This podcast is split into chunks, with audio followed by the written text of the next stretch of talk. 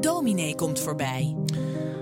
Velen mag ik opmaken uit uw reacties. Waarderen het dat we elke zondagmorgen rond dit tijdstip een moment bezinnen. Even stilstaan bij ons leven.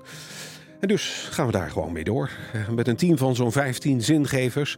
Waaronder ook een aantal eh, nieuwe sprekers, zingevers. Daar hoort u in de komende weken meer over. Nu begroeten we weer dominee en programmamaker ook. Bij onze collega's van de KRO-NCV. Sjoerd Muller, goedemorgen. Goedemorgen. Sjoerd. Hoi. Z- eh, Sjoerd, Fries. Ja, Friese naam. Ja, ja, maar verder geen Fries bloed. Volgens mij kom ik al generaties van de Veluwe. in, Mhm. de buurt bij, eh, in de buurt bij Vaassen. Ja. Maar mijn ouders dachten in de jaren tachtig van... Goh, Sjoerd, dat hoor je weinig. Hoor je ook weinig. ja. Dus eh, die, die besloten daarvoor te, Ja. te kiezen. Ja, En dan eh, volle lok en sign in het najaar. ja vol Oh, ook een zijn. Ja, ja, Ja? ja. ik- veel geluk en zegen, Sjoerd, in het eh, en nieuwe jaar. in Ja. het nieuwe jaar. Ja, ja. dat is- Ehm, moeten we nog hebben over het afgelopen jaar? Ehm, ja, voor mij persoonlijk was het een goed jaar. Ja, was het mooi? Toch ja, ook nog wel? Ja, ja, ik heb wel een goed jaar achter de rug. Ja. Ja, in welk opzicht? leuke dingen gedaan. Qua gezondheid, qua huwelijk, qua relatie, allemaal goed, allemaal gezond gebleven. Gezin, dus ik heb iets meer tijd voor eh, eh, privé genomen. Dus het werk iets teruggeschroefd en, en meer tijd investeren in, eh, in momenten met je gezin. En Hmm. dat, dat betaalt zich uit, dus daar ben ik erg gelukkig mee. Ja. Dat klinkt heel goed, wijs man. besluit Ja, ja, dat in klinkt... 2021. Ja, ja. Ehm, we gaan eh, vooruitkijken. Is er iets, eh, hè, jij werkt als, als dominee, is er iets waarvan, de, waarvan je zegt, da- daar moeten de kerken zich op richten in het komend jaar? Het is heel groot hoor, de vraag die ik stel. Ja, dat is een hele grote vraag. Ja, ja. Ehm, nou, ik, ik hoorde laatst de baas van eh, Pfizer, hè, on- ons wel bekend. Die Hm. zei dat we nog zo'n vier jaar rekening moeten houden met, eh, met corona en met lockdown-achtige toestanden. Toen dacht ik wel van, oh, hè, we, zitten, we zitten ons continu te, ver- te vernikkelen op, op het moment dat het helemaal klaar is.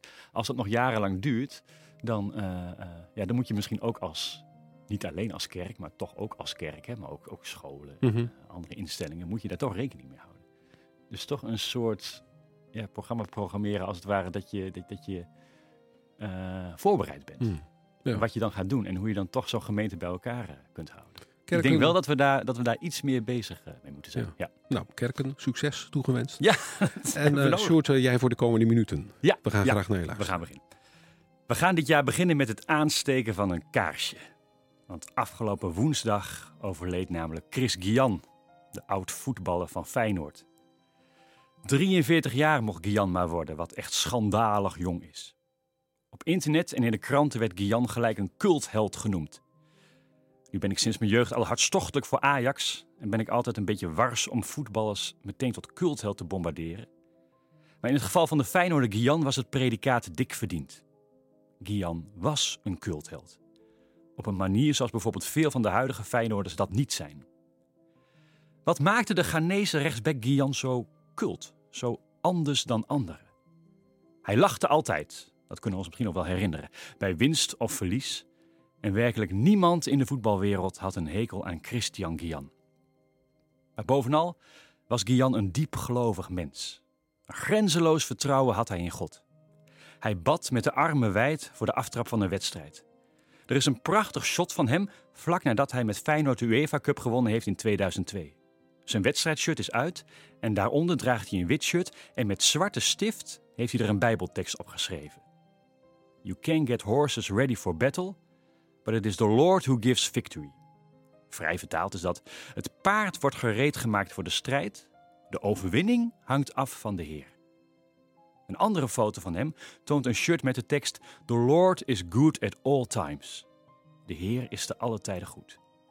En er zijn documentaire beelden van Guian in volle aanbidding op de knieën in een Ghanese Pinkstergemeente in Rotterdam. Het nieuws dat deze Guian dood is, raakt me.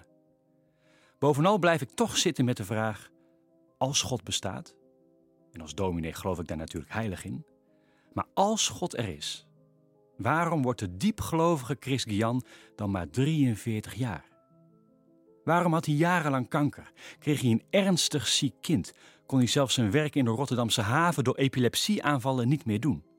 Inderdaad, werken in de Rotterdamse haven. Want Guian had door zijn vrijgevigheid zoveel schulden gemaakt dat hij na zijn profcarrière nog door moest gaan met werken. Weinig mensen hadden meer vertrouwen in God dan Guian. Maar ik ken ook weinig mensen die meer leed hebben moeten verstouwen dan hij. En dan maar 43 jaar worden. Waarom laat God iemand die zo van hem getuigt, die zo'n diep geloof heeft en zich daar absoluut nooit voor schaamde, iemand die ook nog eens tot het einde toe gelooft dat zijn God hem zal genezen, waarom moet zo iemand zo snel uit het leven weggerukt worden? Wat is daar nou de zin van? Is Gian nu eerder in de hemel, waar alles goed is? Maar zijn vrouw en kinderen dan, die hier achterblijven? En het harde antwoord op al deze moeilijke vragen is: Ik heb geen flauw benul. Ik weet het niet. Ik snap God niet in deze. Hoe rijm ik mijn geloof in God met dezelfde God die Chris Gian op 43-jarige leeftijd dood laat gaan aan kanker? Ik weet het niet. En tegelijkertijd besef ik dat geloof voor heel veel mensen een methode is geworden om de onberekenbaarheid van het leven te beperken. Een systeem van beloften en beloningen, zoals vergeving, liefde, geluk en als toetje het paradijs. Geloof als een manier om God te temmen en daarmee ook het leven. Want we willen zo graag gezond zijn en we willen zo graag lang leven en sterven in onze slaap. Maar heel vaak is er dat knagende besef dat God niet altijd meewerkt. Dat geloof in God helemaal geen garanties geeft voor een lang gelukkig leven. Maar hoe zinloos de dood van Christian Guian al lijkt met God, voor mij wordt het helemaal radeloos als ik me dat voorstel zonder God. Maar ik blijf mezelf vragen stellen waar ik niet uitkom. En dan hoor ik opeens mijn oude dominee weer. Je kunt toch beter leven met goede vragen dan met slechte antwoorden. Tot slot nog dit. Gisteren las ik dat de inzamelingsactie voor de familie en de begrafenis van Gian al ruim 90.000 euro heeft opgehaald. Zie daar de trouw van de Feyenoord supporters. Gians dood raakt veel mensen.